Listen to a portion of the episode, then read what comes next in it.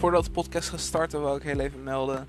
Dank je Ace voor het helpen van de, het creëren van de foto van de Dutch Excel podcast. En ik hoop dat jullie het leuk gaan vinden om te luisteren naar deze podcast. Uh, het duurt een uur en twaalf minuten en het gaat een beetje over uh, mijn verleden voor Dutch Excel en wat Dutch Excel voor me betekent en hoe Dutch Excel is ontstaan zoals het is ontstaan. En dit neem ik eigenlijk ironisch gezien later op als het andere stuk. Dus ik hoop dat jullie veel plezier gaan hebben met het kijken en ik uh, spreek jullie later weer. Doei doei.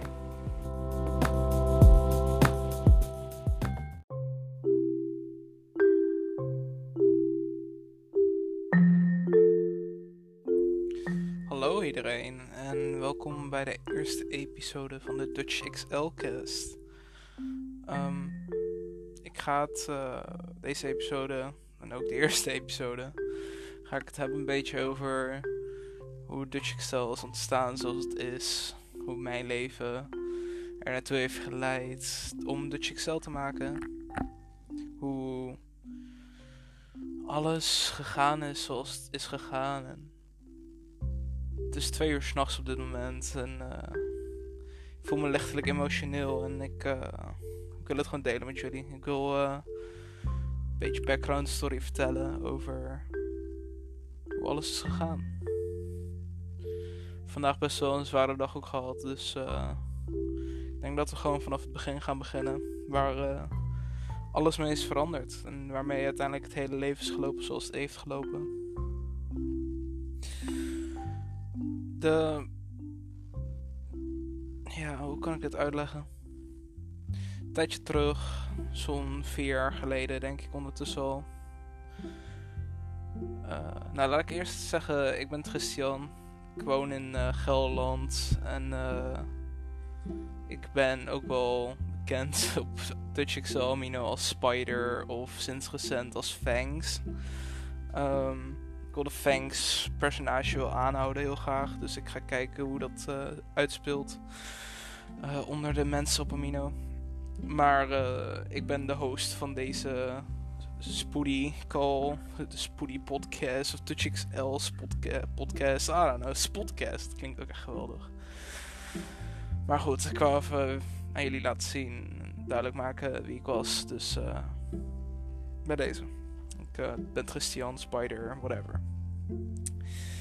Vier jaar geleden, toen is alles een beetje veranderd in mijn leven. En, en, en hoe alles is gegaan zoals het is gegaan. Uh, vier jaar geleden rond kerst uh, ging ik gourmetten. Dat was iets van, weet ik veel, 30 december zo. En uh, ik ging gewoon met mijn moeder en met mijn vader ging gourmetten. Destijds had ik drie honden volgens mij. Ik had Max, Spike en Pepper. Spike en Pepper waren beide Jack Russells, dus dat waren best wel kleine honden. En Max was wel een beetje de oudere hond van de trio. Van de trio-trio. en uh, we waren gewoon happy family, weet je wel, met z'n drieën. En opeens, ja, weet, ik weet niet, we kregen een argument aan tafel. En uh, mijn vader besloot toen om dronken in de nacht de straat op te gaan, om, om weg te gaan. En heel veel later pas terug te komen. Wist ik, ik, ik wist destijds niet echt wat er aan de hand was. Weet je, een beetje een ruzie kan gebeuren.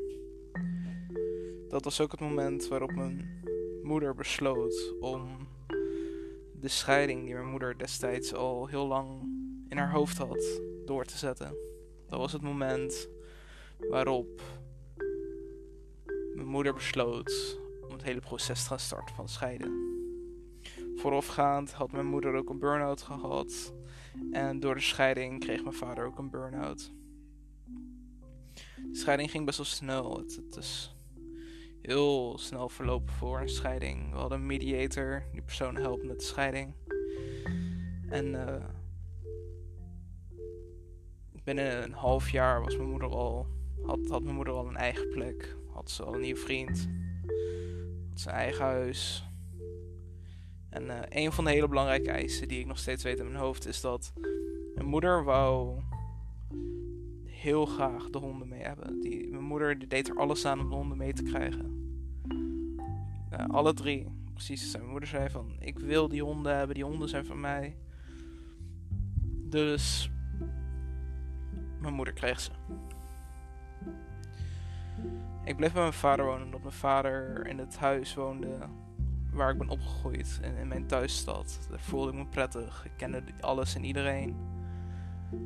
En uh,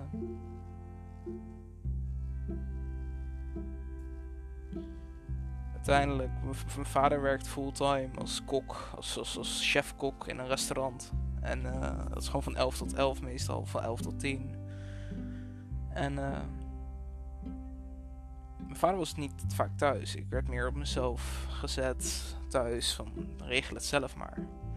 Uiteindelijk had mijn vader ook een paar vriendinnen uh, gekregen. Verschillende. En, en, het ging niet goed uiteindelijk. Dus kreeg hij weer een nieuwe vriendin.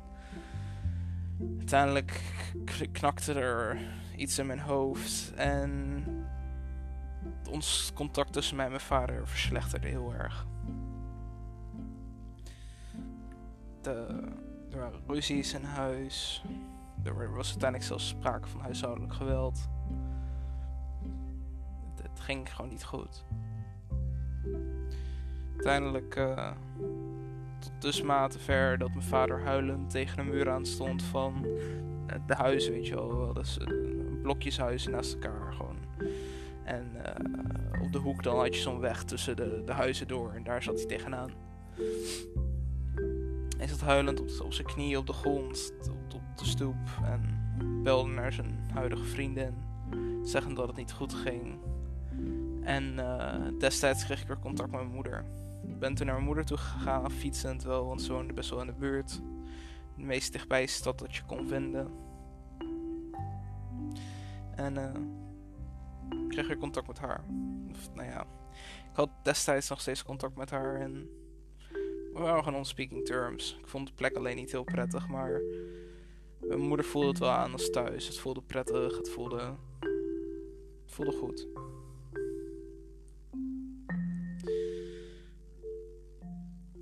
Uiteindelijk na een week of twee dat ik met haar op contact gehad heb. Uh, nou ja, laat ik eerst eerst zeggen. Toen ik met haar weer contact kreeg. De eerste keer dat ik langs ging, toen had ze nog alle drie honden. Toen zei ze van ik ga de honden wegdoen. En uh, zeg maar alvast vaarwel. Zei ik tegen mijn moeder zo van... Je gaat de honden niet wegdoen. Je, je wou ze alle drie hebben. Dat zou echt triest van je zijn om dat te doen.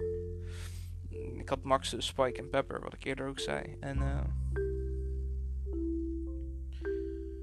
dus ik heb Spike en Pepper een grote knuffel gegeven. En Max ook. En uiteindelijk moest ik gaan, weet je wel. Ik, ik moest gewoon hopen dat ze het niet wegdeed uiteindelijk kwam ik dus terug op de dag dat we gingen verhuizen. En toen merkte ik dat alleen Max er nog was, de, de, de oude hond.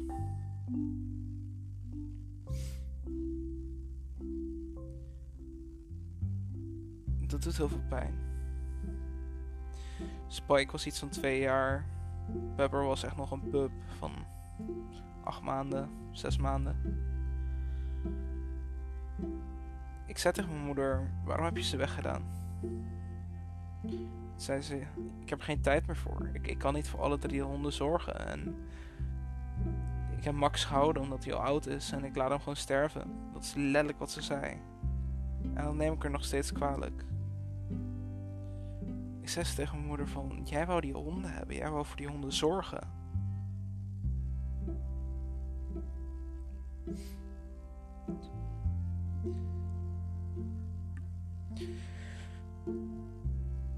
Maar goed, ik, had toen aan mijn moeder gevraagd waar de honden heen waren. En toen zei ze, eh, Pepper, de jongste hond, is naar een oudere man gegaan in een andere stad.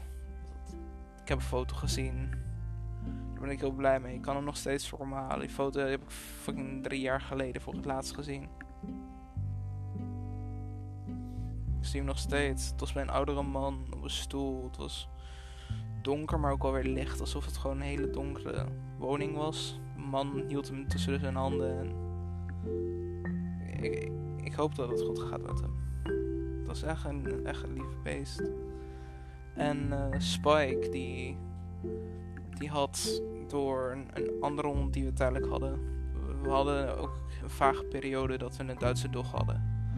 Uh, het kostte ons letterlijk een lening. Alleen door de burn-out van mijn moeder hebben we hem uiteindelijk weggedaan. Waar mijn vader uiteindelijk heel veel spijt van heeft gekregen. Door die hond is Spike een beetje schuw geworden. Als je hem aaide, uh, hij wou niet graag meer geaaid worden. Hij zou weglopen met staart tussen zijn benen, een beetje grommen zelfs. En uh, Spike is, uh, wat mijn moeder zei, richting de douanier gegaan om als drugshond drugs op te sporen. Ik, moest het daarmee doen. Dat was het enige wat ik van hem wist. Ik, wist niet, niets meer, niks minder.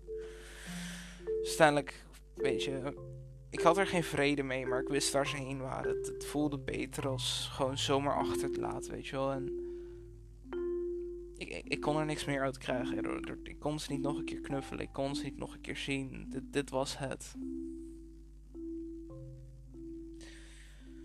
Dus ik ging verhuizen. Ik heb, uh, mijn vader werkt dus van 10 tot, nee, van 11 tot 10. En uh, onder die tijd heb ik mijn moeder het hele huis leeggetrokken, al mijn spullen meegenomen en uh, naar mijn moeder gegaan. Mijn moeder had een klein flatje. Het was, het was niet heel groot. Het was gewoon eigenlijk het eerste huis wat ze kon vinden dat beschikbaar was. En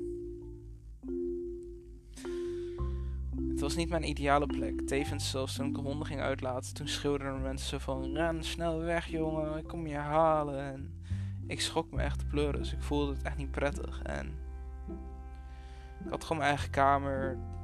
Ook mijn kamer kan ik nog steeds voor me zien. En Weet je, het, het was te doen.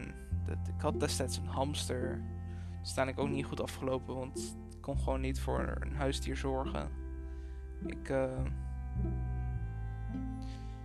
ja, ik had wel mijn eigen plek, weet je. Ik had, ik had een bank daar, gewoon een keuken met mijn moeder. Alleen, mijn moeder had dus een vriend. En die vriend is de beste vriend van mijn vader. Of nou ja, was. Of dat is wat ze me zeiden, tenminste. Dus. Die, die man is best wel rijk. En hij heeft een eigen bedrijf, heeft een eigen villa, heeft een eigen vakantiehuis, eigen boot, eigen speedboot. Een jeep van Amerika. Aanhanger achter die jeep waar zijn bedrijf en alle spullen in staan. Het was echt geweldig. Ik, ik, kan ook niet on, on wegnemen dat het was ook gewoon geweldig. Alleen. Dat hield ook in dat mijn moeder nooit meer thuis was. Mijn moeder was altijd bij hem, bij dat huis en nooit meer thuis.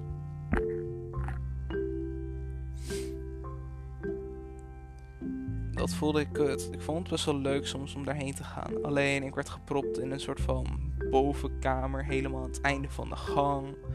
Geen horen, het was super heet. En voelde me een beetje afgeduwd. Alsof ik niet. Alsof ik maar een soort van persoon was die aan iemands been hing. Een blok aan iemands been.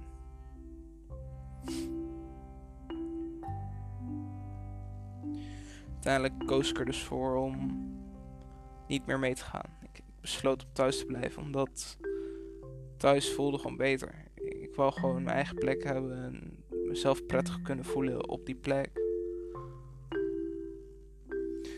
Moeder was nooit meer thuis dus. En ze kwam alleen nog maar thuis om hamburgers op brood voor me te maken. En dan zou ze weer weg zijn. Ze zou letterlijk binnenkomen, vragen wat ik wil eten.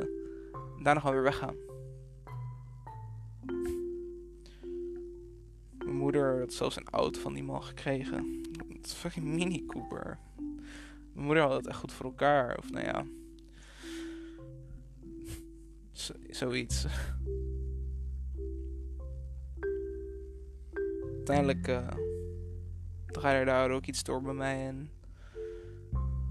ze begon te schreeuwen tegen me. Ze stond in de deuropening van mijn kamer en uh, toen zei ze: Je moet eens van je lui reet afkomen. Wees blij dat je te eten krijgt. En ik duwde mijn deur dicht tegen haar, want ik was er gewoon klaar mee. En ik wou gewoon op mijn kamer zijn en gewoon, weet je, op mezelf zijn. En geen gezeik aan mijn hoofd.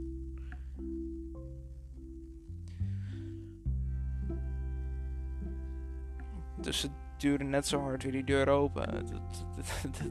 ik weet nog niet of ze een gat door die deur had geslagen of dat die deur eruit lag, maar ze was boos. en ik was ook boos. En uh, toen sloeg ik er. Toen zei ze, en ik citeer: Ik geef je twee weken om hier weg te wezen. Ik ben helemaal klaar met je. Dus ik had twee weken. Ik had twee weken de tijd om een nieuwe plek te gaan zoeken. Om weg te gaan uit mijn moeders huis. En ergens opnieuw te beginnen.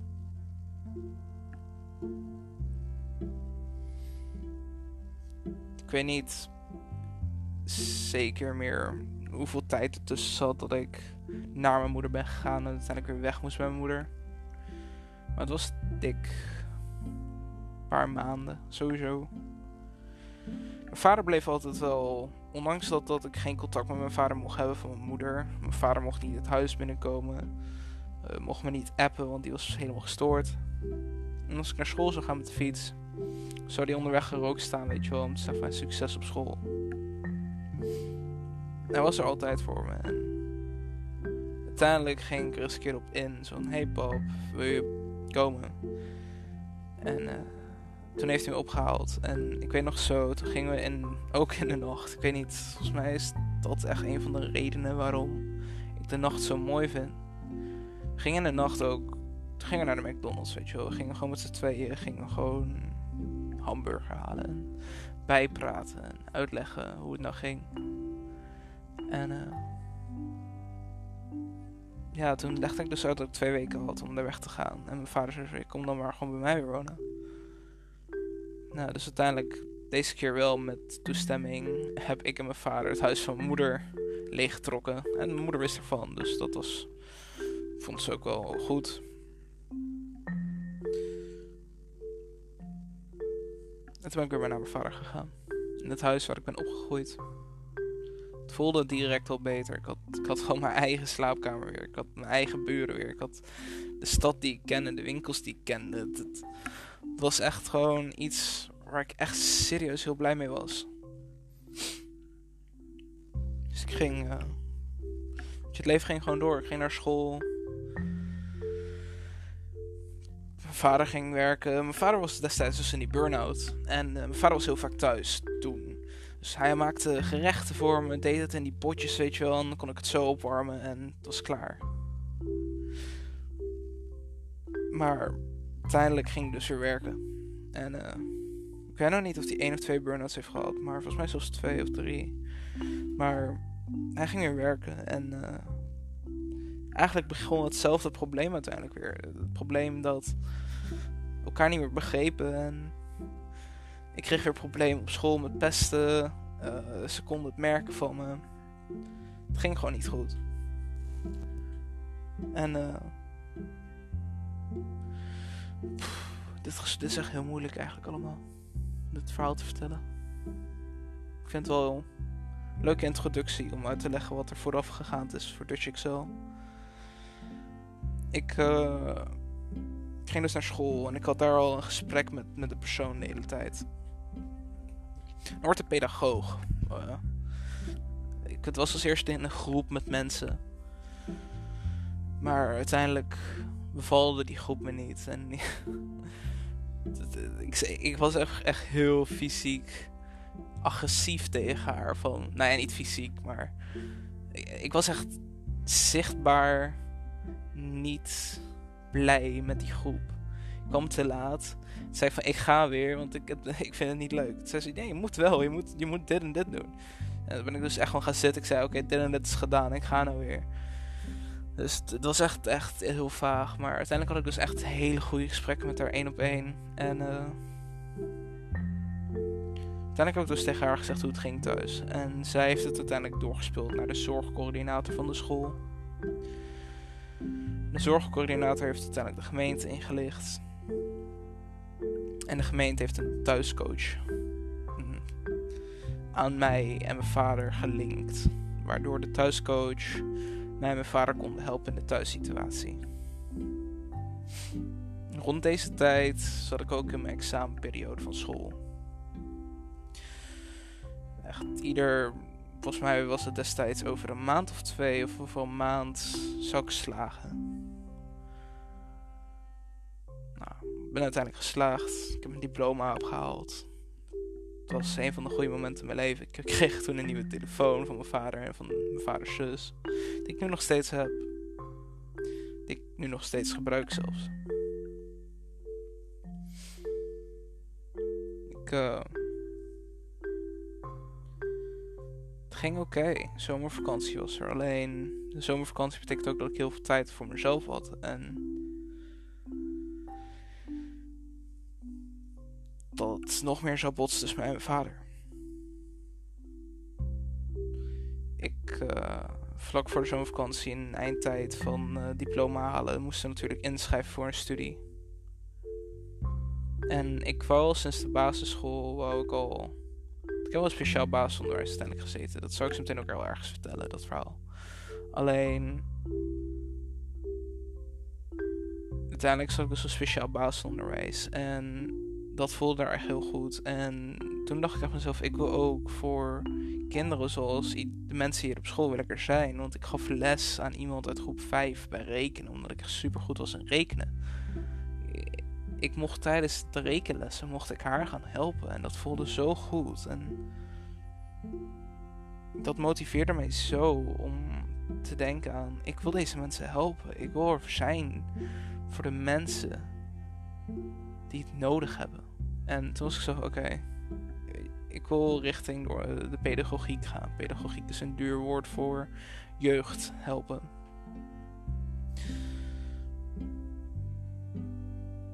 Dus altijd wel op pedagogiek gaan studeren. Dus ik zei zo, hé, hey, ik wil de pedagogiek in. Toen zeiden ze, ja, je bent sociaal niet vaardig genoeg. Je bent niet... Uh, je kan niet goed praten met mensen en de samenwerken vind je al helemaal niks. Dus dat is niet aangeraden omdat uh, dat wel iets heel belangrijks is. Dat is wat mijn thuiscoach en mijn mentor zeiden. Ik zei van ja, ik, wil het wel. Ik, ik, wil wel gewoon pedagogiek gaan doen.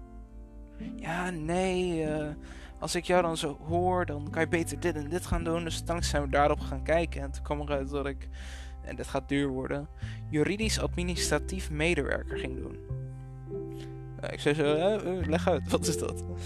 En toen zeiden ze dus eigenlijk van, ja, dat is eigenlijk mensen helpen met economische zaken. Weet je, de wet weten. Ik heb, ik heb beide wetboeken nu nog in mijn kamer zelfs liggen. Leek me wel leuk. Ik heb uiteindelijk mee een dag gelopen of introductielessen, weet je wel. En ja, het beviel me wel. Het was echt een super grote school. Uh, maar daar komen ze meteen ook bij. Dus ja, weet je, we waren in de zomervakantie. Ik had dus ingeschreven voor die studie. Voor een studie die ik eigenlijk niet wil. Maar goed, weet je, dat was het beste, zeiden ze. Dus ik dacht bij mezelf, oké. Okay. En de zomervakantie ging het ook al niet goed. Mijn dag- en nachtritme werd slechter. Alleen, uiteindelijk ging ik gewoon studeren. En uh, de eerste twee maanden ging oké. Ik... Uh, ging naar school. Het was een school in een andere stad. En uh, ik moest heen met het OV, met de trein. Terwijl ik met de middelbare school kon ik gewoon naartoe fietsen. En als het moest zelfs lopen. Wat destijds ook moest in verband met de sneeuw bijvoorbeeld.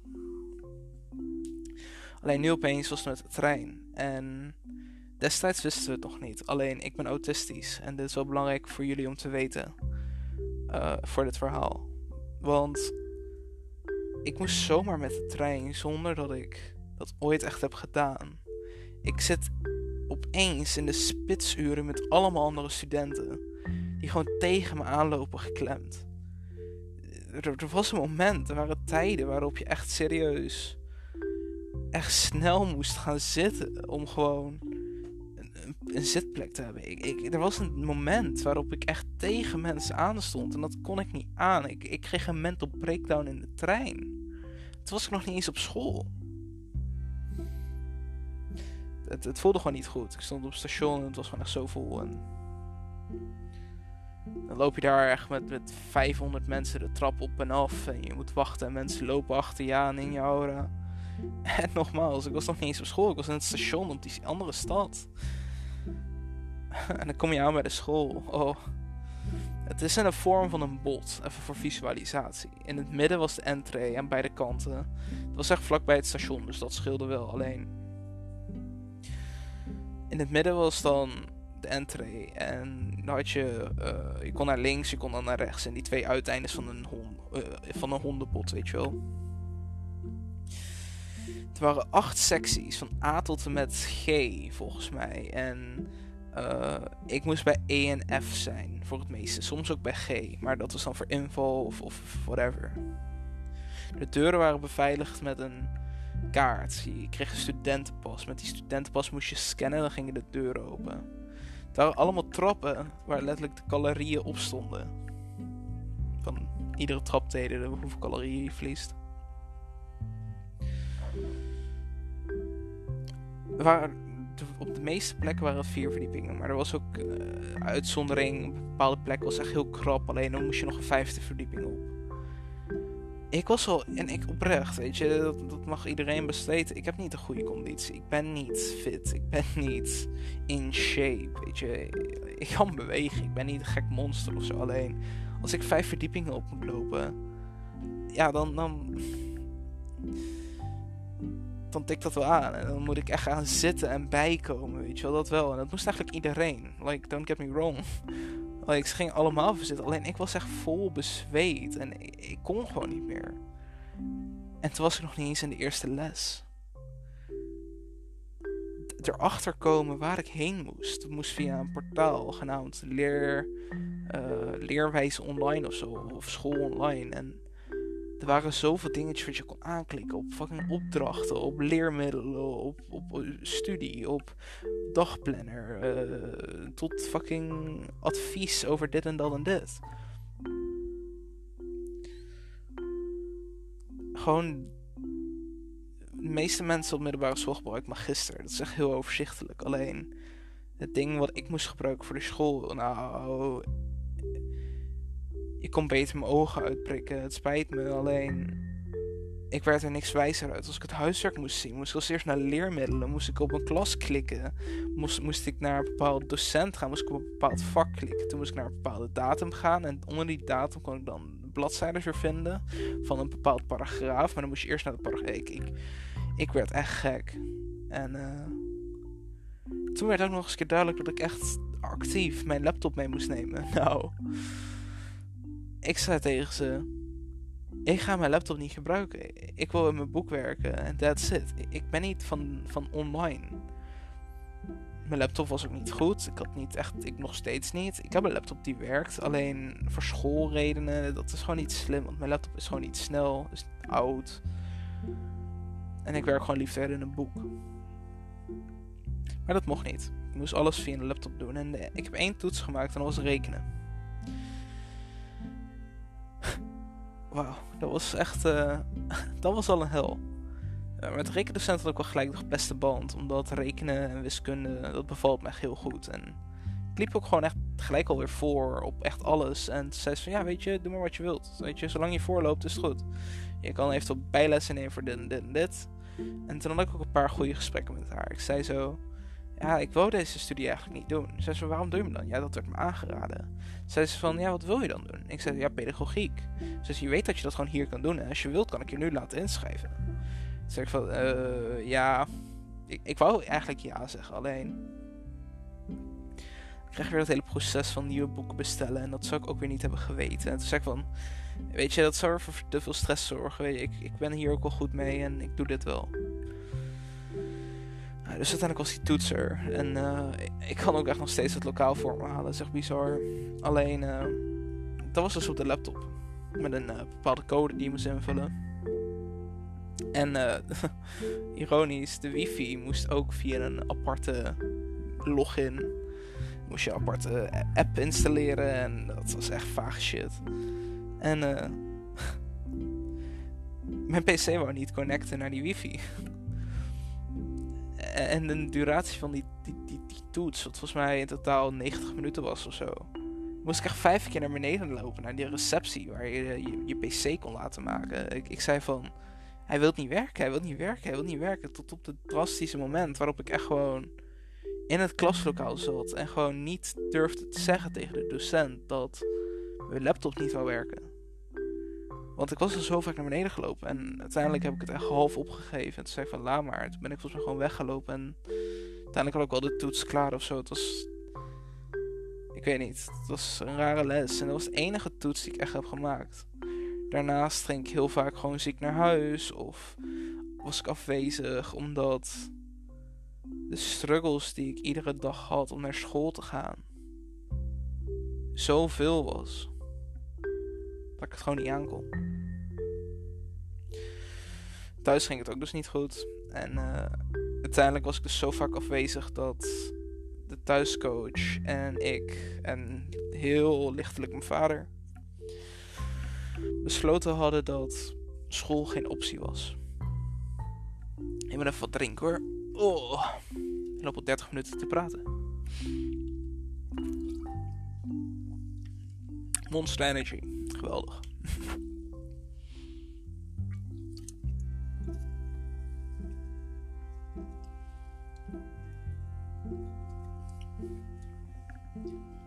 Ja, dat is lekker. Dus we hadden besloten dat school geen optie was. Uiteindelijk gingen we dus het proces in van... Hé, hey, waarom is school geen optie? We moesten praten met meerdere mensen. We moesten praten met de school zelf, de schoolarts, met de gemeente. En volgens mij moest ik met mezelf gaan praten of zo, weet ik veel. Dat was echt heel vaag. We moesten vier mensen hebben en eentje daarvan was ikzelf. Uiteindelijk hebben we dat gedaan. De, de, de, de schoolarts heeft dingen aangeraden en gezegd van ja, dat begrijp ik. Het is belangrijk dat je nu voor jezelf gaat zorgen. De school is een beetje de schoolarts achteraan gelopen en die begreep het ook wel. En de gemeente, in combinatie met de thuisproblemen, zei hij ook van dit is ook goed, maar op één voorwaarde. Uh, volgens mij moest ik iets van therapie of zo gaan volgen. Of ik moest. Er moest een plan zijn waardoor ik wel weer terug kon naar school uiteindelijk kwam dat plan nooit van start. Of tenminste, ik zit nu nog steeds niet op school. Uiteindelijk uh, heeft die school me ook uitgeschreven en uh, kan ik niet 1, 2, 3 meer terugkomen. Dat, dat er zit gewoon geen terugkomst in mogelijk.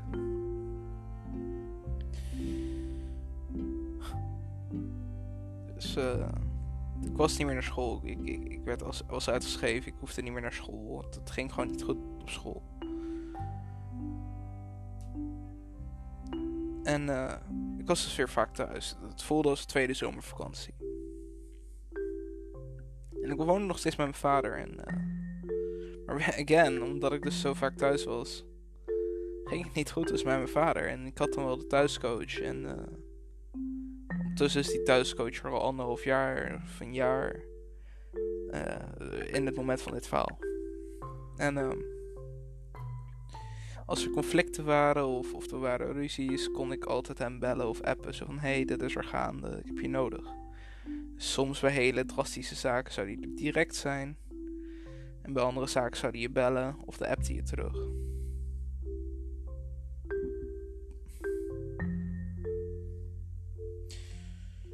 Na zo'n twee jaar proberen om het te verbeteren, om regels of, of verandering te maken in hoe het nou echt zit heeft de thuiscoach gezegd dat ik uit huis moest geplaatst worden.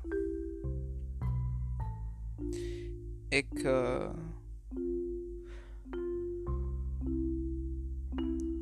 ik kreeg een paar opties om dus te veranderen. Of dus uit huis. En ik zei: Ik wil wel veranderen, maar mijn vader wil niet veranderen. Mijn vader wil me uit huis hebben. Maar ze luisterden niet. Ze, waren van mening dat het probleemding was. Dus mijn thuiscoach uh, en ik hadden een paar gesprekken van oké, wat nu verder, weet je wel. En toen zei ik van ja, dit en dit en dit en dit. Ik wil wel mijn honden nog kunnen zien, want destijds had mijn vader een nieuwe hond aangeschaft. En uh, Max was nog steeds in het plaatje, die leeft ook nog steeds. Ik... Uh,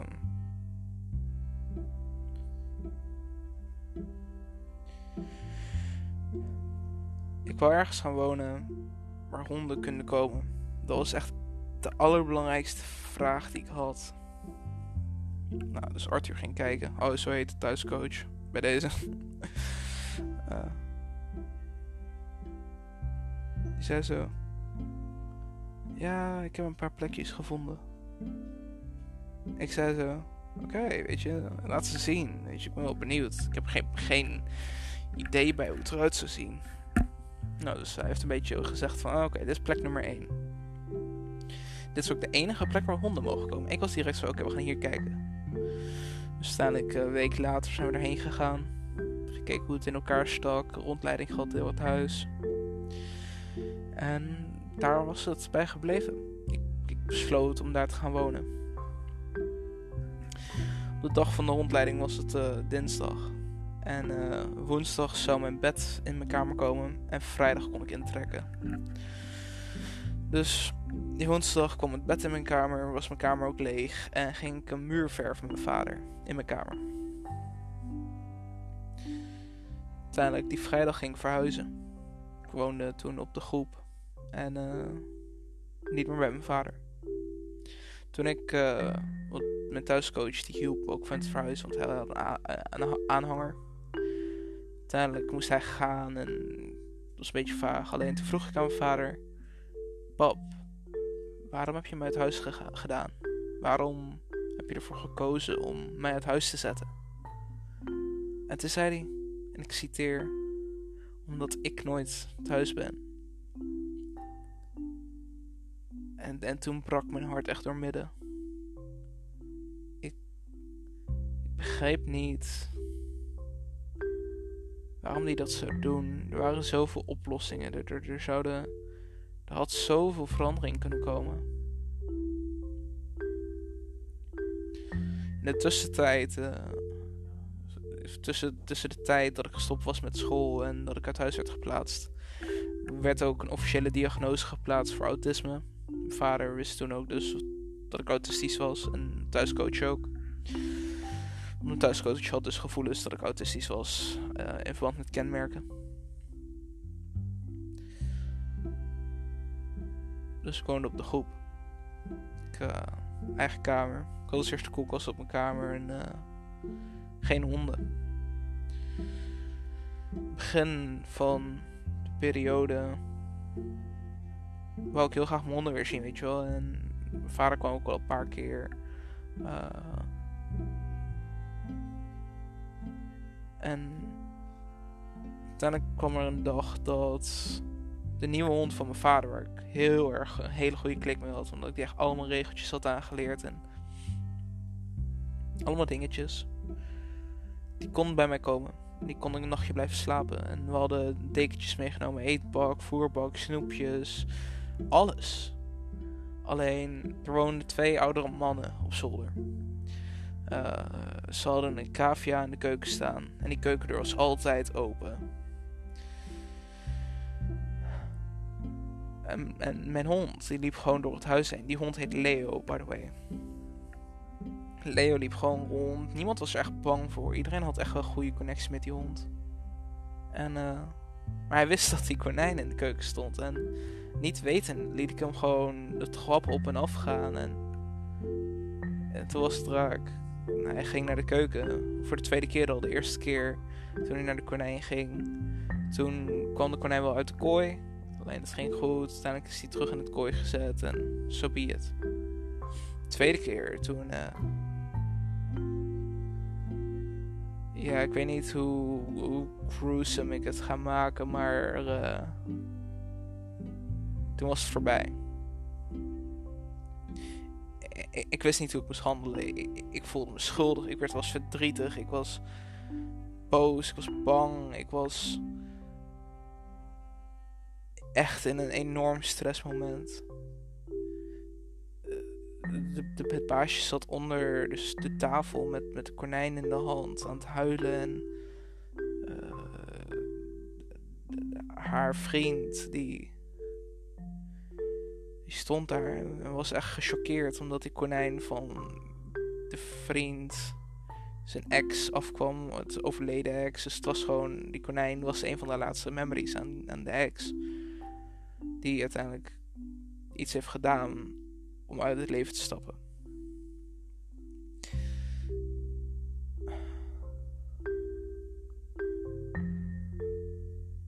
Ik belde uiteindelijk de dierenambulance en uiteindelijk ze zeiden van ja, ik kan daar niet opereren, operaten, weet je wel. Ik kan niet daarheen komen, dat is te ver.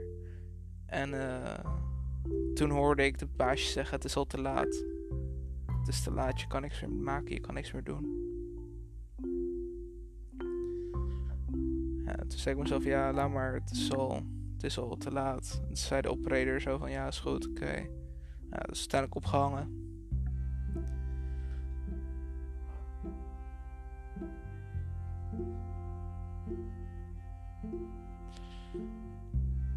De man die nam me niet kwalijk, weet je. Die zei ook, het kan gebeuren. Dat is natuur. Alleen ik voelde me heel schuldig. Ik, voelde alsof ik... Alsof ik het had kunnen voorkomen. Alsof ik er iets wel aan had kunnen doen. Ik had ook die hond niet in huis kunnen nemen. Dus uiteindelijk heb ik begeleiding ingelicht. En uh, tot de dag van vandaag weten de mensen die hier nog steeds wonen van dat akkefietje. Ik uh, kreeg uiteindelijk dus te horen dat mijn hond niet meer welkom was. Tenminste voor de duratie dat hun hier woonden. Tussen zijn ze weg, maar ik heb op het heden mijn niet meer hier gezien. Ik uh, kon mijn hond niet meer hier hebben. Toen besloot ik dus om een huisdier te nemen zelf. Omdat als eerste had ik altijd de gezelschap van mijn twee honden. Van Max en Leo bij mijn vader. En daarna, toen ik hier woonde, toen had ik de gezelschap van soms mijn hond, mijn hond kunnen zien. En alsnog gewoon mijn hond bij me kunnen hebben, soms. En uh, dat kon niet meer. Dus ik, ik wou een ziel in mijn kamer hebben. Ik wou gewoon iets kunnen hebben waar ik me gewoon prettig bij kon voelen. Dus uiteindelijk dacht ik aan een vogel. Ik wou als eerst een, een, een, een, een, volkparkiet hebben. Een vogel, want mijn vader had ook altijd vogels en mijn moeder ook. En ik weet niet, ik vond ze altijd grappig en ze, ze maakte me altijd aan het lachen in de tussentijd kleiner en een Toen mijn vader, uh, toen ik bij voor de eerste keer met mijn vader woonde nog. Toen hadden we een pakket. En uh, zijn huidige vriendin destijds um, had vergeten de afzuiger aan te zetten. Waardoor mijn pakket overleden is aan een koolmonoxide of kooldioxide. Volgens mij kooldioxide vergiftiging. Dat pakket hebben kleine longen en die zijn veel meer vatbaar. Uiteindelijk lag hij op de grond en hij stierf in de handen van die vriendin. Het was een pratende pakiet. We hadden hem zo tam gemaakt dat, dat hij kon praten. Brak mijn hart ook, maar een pakiet is wel anders dan een hond of whatever. Maar goed, uiteindelijk vroeg ik dus na of ik een valkpakiet mocht hebben. En dat wisten ze eigenlijk niet, want er was nog nooit iemand geweest die een pakiet of een vogel wou. Het ging weer een weekje of twee of een weekje overheen. En uiteindelijk zeiden ze: nee, je kan geen pakiet hebben. Ik voelde me dus weer kut, weer afgewezen, het kon niet. Het ging denken van oké, het enige wat echt mag zijn knaagdieren. Mensen hier hebben hamsters, mensen hier hebben konijnen, mensen hebben vissen. Ik zat te denken van oké, ik wil iets unieks hebben. Dus ik denk cavia. Niemand had een cavia. En uh, toen heb ik draakje genomen. Draakje is mijn cavia en uh, ik hou heel veel van hem. Uh, soms is hij vervelend, maar alle dieren zijn dat wel. Uiteindelijk het contact werd beter met mijn vader. En uh, hier werd het uiteindelijk weer slechter. Het ging als een soort van golf naar boven naar beneden, naar boven naar beneden. Het was als eerst beviel me wel. Ik had goede gesprekken met mensen hier in huis. In de eerste week, in de eerste paar dagen, kwam ik al uit voor zoveel dingen. Voor mijn seksualiteit, voor mijn, voor mijn gevoel, voor uit, huis, uit huisplaatsing. Hoe ik in elkaar steek, mijn gedachten over bepaalde dingen voelde vertrouwd bij de mensen waar ik dat aan deelde. Het waren er een stuk of drie, vier. Het probleem is. Mensen blijven niet voor eeuwig hier in huis. Mensen. Een huis praat.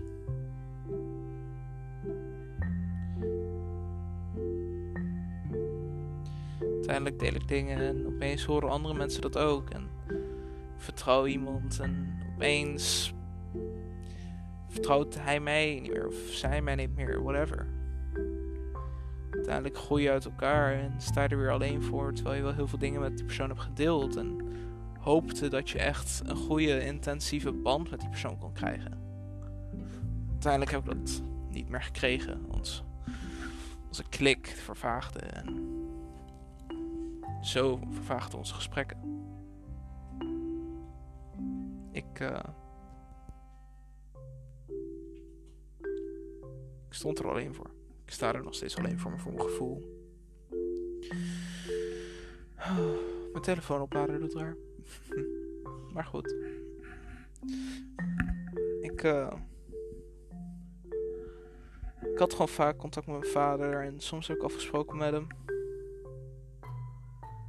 Uh, uiteindelijk besloot ik om een paar keer naar mijn vader toe te gaan. Omdat de situatie hier in huis mij dusdanig slecht beïnvloedde dat ik het gewoon niet meer aankon. Ik, ik moest naar een andere plek. Ik moest naar mijn vader toe, naar die huis. Dat is het huis waar ik me prettig voel, waar ik me veilig voel. Dus ik ging daarheen. Ondanks dat hij het huis ondertussen al te koop had gezet en amper thuis meer was. Brak me echt toen ik te horen had gekregen dat het huis te koop had gezet.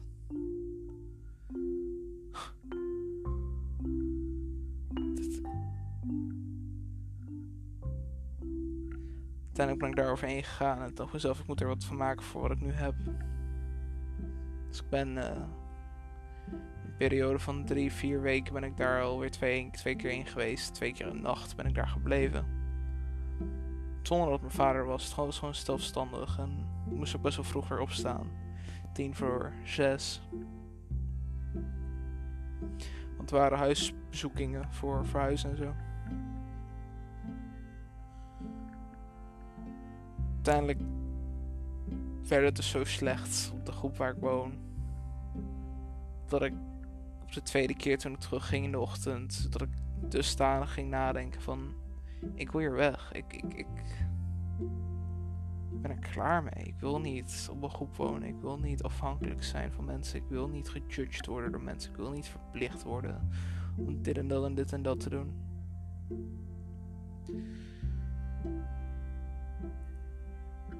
Dus ik zette een, een, een bepaald document op met hoe ik dingen ga aanpakken. En ik zei ook tegen mijn vader zo van... Hey pap, ik wil richting jou weer gaan wonen. Ik wil gewoon weer bij jou komen wonen. Want er zijn zoveel veranderingen gekomen dat ik denk dat ik het aan kan. Eerste gesprek was hij heel erg vaag en zei hij dat hij erover na ging denken. En dat hij het zou bespreken. En dat hij er later op terug zou komen. Het tweede gesprek, dat uh, zo'n, wat zou het zijn? Half acht was ik klaar met bellen. Dus dat is zo'n drie, zo'n zeven uur geleden, denk ik. Dat zeven uur geleden heeft plaatsgevonden. In dat gesprek zei ik hetzelfde weer. Van pap, mag ik richting jou toe komen? Mag ik het overleggen met je vriendin? Want hij woont dus bij mijn vriendins huis op dit moment zei hij, uh, ja, maar je kan ook dit en dat doen, je moet dit en dat eens gaan doen. En toen zei ik gewoon eens heel blunt tegen mijn vader, en ik citeer, als je me niet wilt hebben in je huis, zeg het dan. Als je me niet weer bij wilt hebben, zeg dat dan.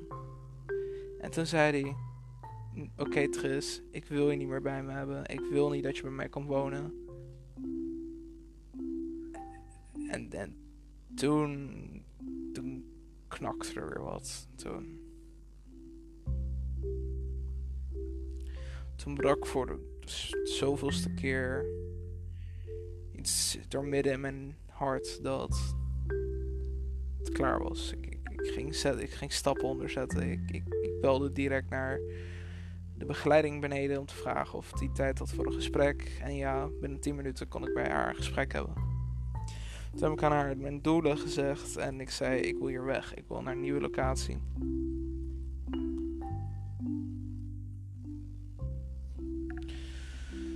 Dus we zijn naar die locatie gegaan. Of nou ja, we zijn niet naar een nieuwe locatie gegaan, we hebben een heel goed gesprek gehad. Sorry voor die spraakfout.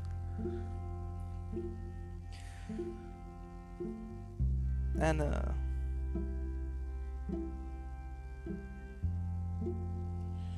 anderhalf uur hebben we gezeten.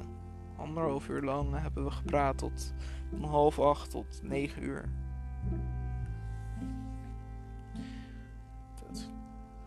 Ze zei dat ik nog niet klaar was voor een eigen plek. Zoals ze zei dat, dat ik niet klaar ben voor studie. Dat ik dingen niet aankom. ik geef er half gelijk. Alleen ook toen weer zakte ik echt door mijn schoenen heen. Denk dat.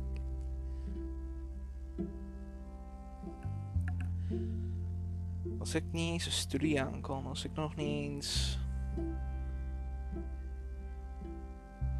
iets voor elkaar kan krijgen, hoe ga ik dan ooit leven? Hoe ga ik dan ooit positieve inzien? Ik, ik, ik, word verplicht om daginvulling te hebben, werk, school of, of dagbesteding. Alleen ze zeggen zelf dat school er niet in zit. Er moeten dingen voor gebeuren wat gewoon. wat ik ook gewoon nog niet aan kan. Qua inspanning, qua wat ze vragen van me, whatever. Er moet gewoon goed over nagedacht worden welke school, welk niveau, whatever. Werk heb ik gehad, alleen door de coronatijd vroeg dat ook te veel van me. De, ik ging met het OV alleen omdat ik gestopt was met school. Moest ik voor de trip zelf wel gaan betalen. Dus ik moest gaan betalen om naar mijn werk te gaan. En toen dacht ik mezelf van wauw, dat is fucked up. ik zat tegen twee uur aan het werk puur voor de trip. En uh, ja, dat beviel me niet. dus uiteindelijk zei ik tegen van dit en dit en dit. Het gaat ook gewoon niet goed thuis. Het voelt gewoon niet goed. En uh, toen ben ik gestopt.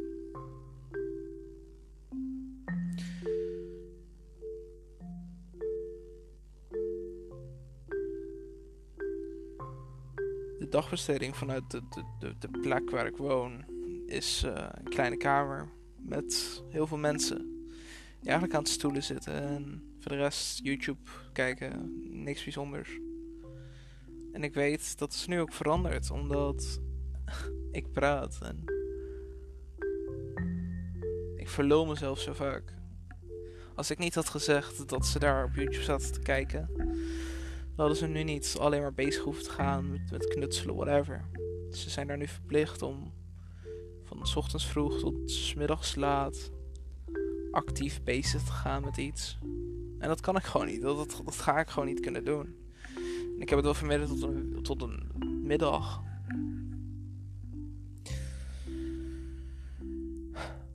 Dus kwam toen met de dagbesteding dat ik ging schoonmaken op een andere locatie. Nou, dat heb ik één dag gedaan. Na die dag was gelijk al gezeik over, ja, ik wil je in de ochtend hebben. Om uh, eh, 7 uur tot uh, 10 uur of zo. Of uh, van 9 tot uh, uh, 12. En toen dacht ik gelijk bij mezelf: nee, ik ga niet in de ochtend, want ik krijg rust uit de nacht. En de nacht is rustig.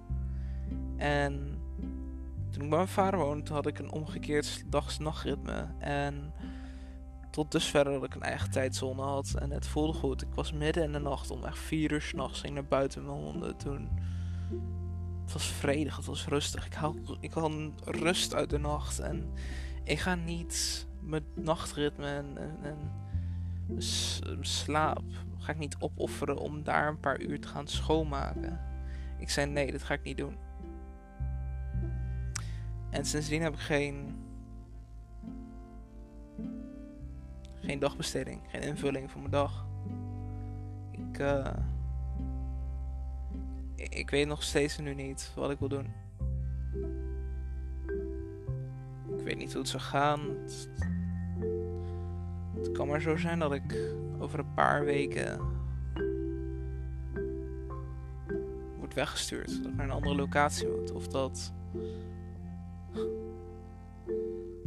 ik gewoon weg ben hier. Ik, weet niet hoe het zou gaan. Ik, mijn vader is er niet voor me. Mijn moeder wil geen contact met me hebben. Sinds dat ik weg ben bij mijn moeder. Wauw, dat ben ik echt helemaal vergeten te zeggen eigenlijk. Wauw.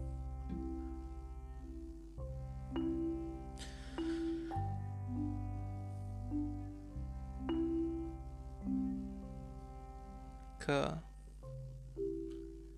ben op een punt gekomen waarop ik niet weet hoe ik eruit moet komen.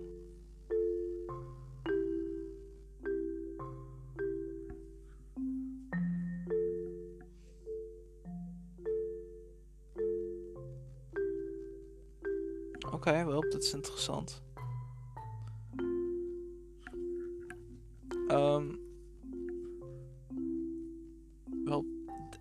Die ik gebruik, die zegt dat de maximale recordtijd voor een segment 60 minuten is. Dus ik opeens hoorde ik een gek geluidje in mijn oor. Ik heb nog 5 minuten voor het segment, maar het komt goed.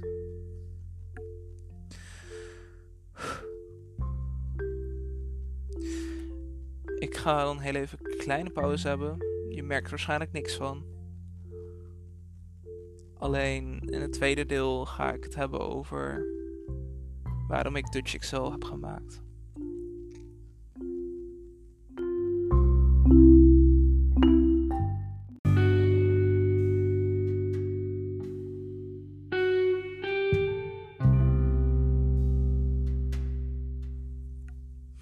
Deel 2 van de Dutch Excel podcast.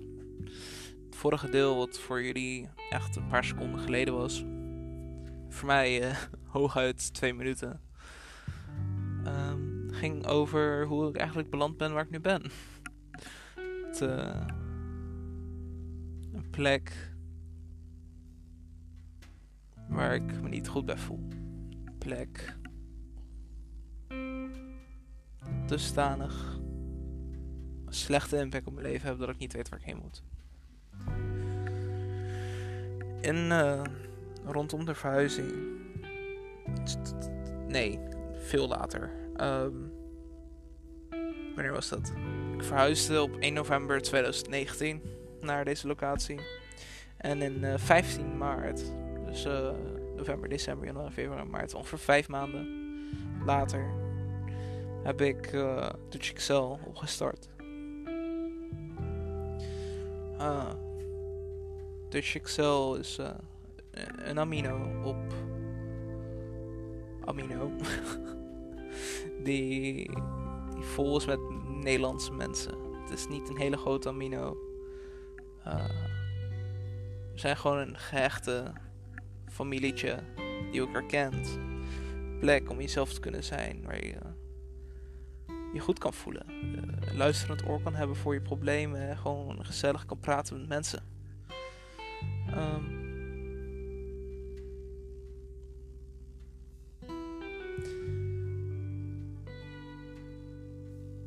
het is een rustige plek. Het is iets wat ik altijd al had gewild. Een, een plek met mensen waar ik steun uit krijg en waar mensen steun uit krijgen. Ik wil er voor mensen zijn. Ik wil als ze in die struggle komen die ik heb gezeten, dat, ik wel. Dat, dat die mensen wel iemand hebben om naar te kunnen luisteren, want dat had ik niet. Ik had geen mensen waar ik naartoe kon om dingen bij te delen.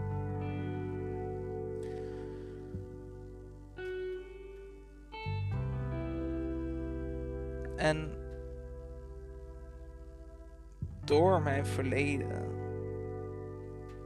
heb ik wel één ding ingezien, weet je wel. Van, er zijn ook mensen die dit ook mee hebben, weet je wel. Er zijn mensen die hopen dat ze iemand gaan hebben of krijgen waarmee ze gewoon een goede band hebben. Een, vriend die er echt altijd voor je is.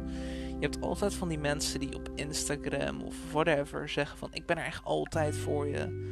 Alleen eigenlijk zijn ze er niet voor je. je voelt je er niet prettig bij hun. Whatever. Maar ik wil die persoon zijn waar je je wel prettig bij kan voelen. Ik wil die persoon zijn waar je wel naartoe kan gaan. Waar je, die je goed kent. Die goede gesprekken met je heeft. Ik wil er zijn voor iedereen die ik ken. Iedereen die ik ontmoet, whatever je ook hebt gedaan. Ik ben er altijd voor. Ik weet niet eens wie jij nu bent. Ik weet niet wie dit luistert. Ik weet niet eens of iemand het wel helemaal gaat luisteren. Ik weet niet eens of ik dit ga publiceren of ga delen. Alleen als jij in een tough time zit of je hebt iets nodig of whatever. Voor zolang ik in je leven ben of whatever. Ik ben er voor je.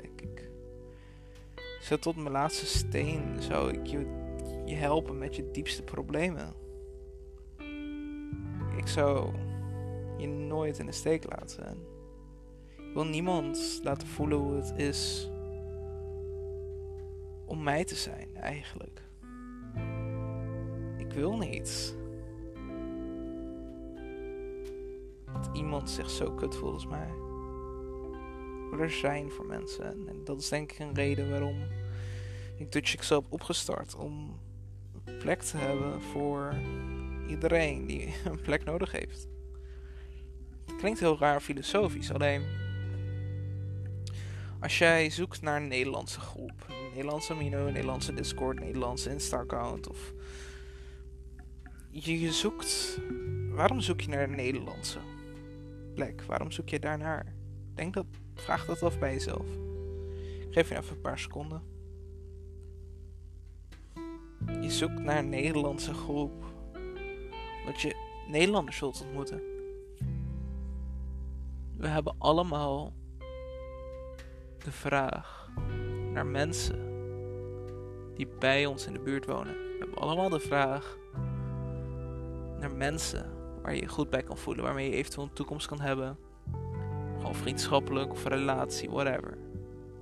We willen allemaal die mensen om ons heen hebben waar je steun op kan krijgen. Iets wat ik niet heb gehad en daarom wil ik het iedereen wel bieden. Ik wil er zijn voor iedereen.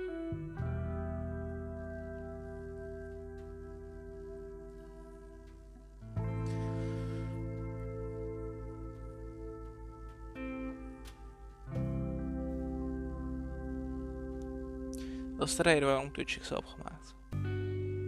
Het is nu al meer dan drie maanden geweest en ik heb vele amino's gehad. En.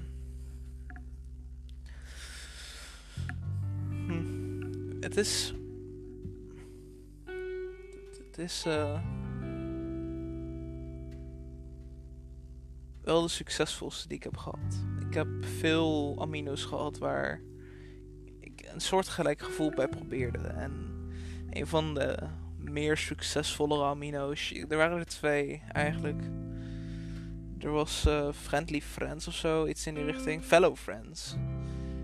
En er was er nog eentje, maar die, die kan ik niet 1, 2, 3 bij me halen. Fellow Friends heeft nu rond de 60 members. Is zo inactief als wat. Alleen er is er nog eentje van 150 members of zo. En die is nog steeds heel erg inactief. Alleen, dat zijn twee van de beste. Ik heb zoveel mensen daar ook verloren dat een van mijn beste vrienden, die ik al acht jaar ken, um, zei dat het niet ging werken. Die zei van, je kan het wel weer proberen, maar uh, het gaat toch weer falen. Het gaat toch weer niet werken. Alleen, ik maakte altijd één fout. Bij alle amino's gaf ik hem staf. Hij was mede baas van de amino en bij iedere amino was hij ook de reden waarom het ten onder ging. Dat heb ik deze keer niet gedaan. Ik heb gedaan wat ik denk dat zelf right was. Ik heb zelf alle keuzes gemaakt. Ik heb zelf gekozen om die in de stafteam te zetten of deze development te maken. En er is nu een, hechte club op Amino waar ik me gewoon heel goed bij voel. Het zijn mensen die er echt voor me zijn. En ik ben er oprecht voor hun. En ik zou me oprecht ook afvragen waar ik nou zou zijn geweest zonder die amino. Want zonder die amino had ik echt maar twee mensen in mijn leven waar ik echt goed mee praatte. Ik praat nou weer met een paar mensen die, die ik zonder amino niet had gekend of niet had mee gepraat. En iedereen waar ik om geef zit in Dutch XL. En je weet pas dat, dat, dat iets heel belangrijk voor je is als je weet dat je niet meer zonder kan. En op dat moment ben ik wel echt aangekomen nu. Het, het is echt nu 97 dagen sinds Tamino is gestart. En Tamino is echt in mijn hart gekomen. Ik, ik kan er niet meer zonder. En als, als Touch Excel niet meer zou bestaan, dan zou ik echt instorten. Dan zou ik echt niet weten wat ik moet doen. Als, als die nou wordt neergehaald, whatever, dan stort ik in.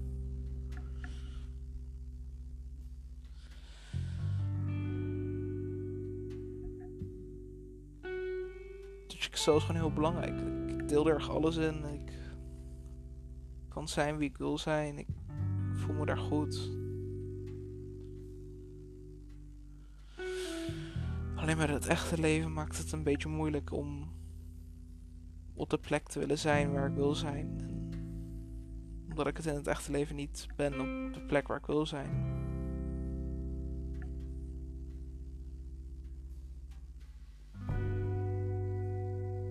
Het leven is moeilijk. Het leven is uh, hard. Uh, ik weet niet hoe. Het is heel moeilijk. Het enige wat echt, geluk nog in mijn leven brengt de laatste tijd is Dutch Excel. Alles revolved om Dutch Excel de laatste tijd. En uh, ik weet niet waar ik zonder Dutch Excel zou zijn. Dat je iedereen in de community die heeft geholpen voor zoveel verschillende mensen je, ook al zit je in de community om vrienden gewoon te zijn, of omdat je echt diep in de shit zit, of whatever. Iedereen heeft behoefte aan goede vrienden. En je wilt niet weten hoeveel jij hebt geholpen in zoveel mensen levens. Je weet, je weet niet wat die simpele hooi of hoe gaat het voor toevoeging heeft.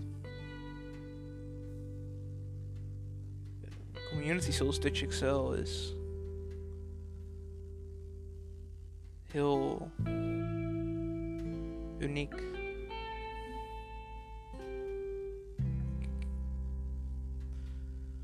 Ik weet niet wat, wat de toekomst voor Dutch Excel in zich heeft. Ik weet niet wat, wat, wat er gaat komen. Zo'n goede waarziener ben ik ook niet. Maar één ding weet ik wel, dat zal altijd hart zou zijn. En vooral een paar mensen. Begrip waarop iemand zegt: hey, als je met me wilt praten, ik ben er altijd voor je. Het idee dat mensen echt om me geven. Dat,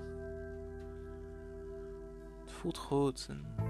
Daar ben ik zeer dankbaar voor. Het is een van de dingen die me echt blij maakt. Alleen met de huidige situatie thuis. Ik noem het niet echt mijn thuis. Het is meer mijn verblijf. ik, ik weet niet hoe lang dit volhoudt. Ik, ik, weet, ik weet niet of dit nog goed zou gaan.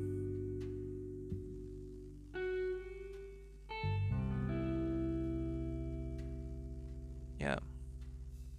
Ik denk dat het een beetje het einde van de eerste episode is beetje uitleg over voorafgaande de gebeurtenissen voor Dutch Excel. Hoe ik ben geworden zoals ik ben. Echt het moment waarop mijn leven echt een, een, een zelfstandige turn heeft gekregen van zelfstandig nadenken. naar, naar nu. Naar hoe Dutch Excel nu is. En, uh, waarom ik doe zoals ik doe. waarom er voor iedereen altijd zo zijn. Ik weet ook niet. Niemand weet er op dit moment van, van deze episode, dat ik dit aan het maken ben. ik uh, zal jullie inlaten tot een secret. Ik heb uh, al eens een keer geprobeerd. By the way, als je denkt dat ik raar praat of zo, ik ben echt veel aan het bewegen, dus sorry. Um, ik heb al eens een keer geprobeerd een podcast te maken met Ninja. Shout out naar hem. Uh, iedereen kent hem waarschijnlijk wel, want jullie zijn allemaal waarschijnlijk van Dutch Excel. Um, Ninja is, uh, by the way, ook de eerste leader uit Dutch Excel. alleen, uh, we moeten nog even plannen wat we gaan bespreken in gesprekken. In, in calls, in podcasts, whatever. Dus ik dacht mezelf, ik maak zelf even een introotje tot de Dutch Excel podcast. Het kan het kwaad. Episode 2? Geen idee. Wanneer komt hij uit? Geen idee. Ik hoop dat jullie dit alleen een enigszins prettige podcast vonden. Of episode, whatever. Ik, uh, mijn intentie is gewoon om, om op zoveel manieren voor mensen te kunnen zijn. Via Instagram, via Pinterest, via Amino. Eventueel zelfs via WhatsApp of ja, podcasts zoals deze vaak zat heb ik gehoord in de Dutch Excel calls dat weet je, ik goede gesprekken kan hebben. Dat ik echt dat mensen prettig naar mij kunnen luisteren. En, en toen zeiden ze dus ook zo: ja, je moet echt een podcast maken. Nou, dat heb ik dan gedaan. Heel lang als idee in mijn hoofd gehouden. En ik vond het heel moeilijk om eraan te beginnen alleen. I mean, als ik eenmaal bezig ben met een gesprek over een bepaald onderwerp, dan komt het wel goed. Dus als je oprecht deze een uur en een kwartier aan podcast hebt geluisterd, dan ben je echt een geweldig persoon. Je bent sowieso een geweldig persoon. Iedereen is een geweldig persoon. Ik uh, bedank jullie allemaal om naar me te luisteren. Te zijn voor mij en voor iedereen. Jullie, jullie doen het goed. Jullie maken de, wereld, Nederland. Jullie maken Dutch Excel. Jullie maken mensen blij. Jullie weten niet hoeveel invloed je kan hebben op iemands leven. Jullie zijn toppers. dus ik denk dat hierbij het echt het einde is. En uh, ik hoop dat jullie een leuke dag gaan hebben. Leuke avond of Misschien hoor je dit niet omdat je overweer in slaap bent gevallen. Maar uh, jullie zijn geweldig. En uh, mogen ik jullie spreken in een call in Dutch Excel of in een chat op Instagram. Het gaat jullie goed. En tot de volgende episode. Laters.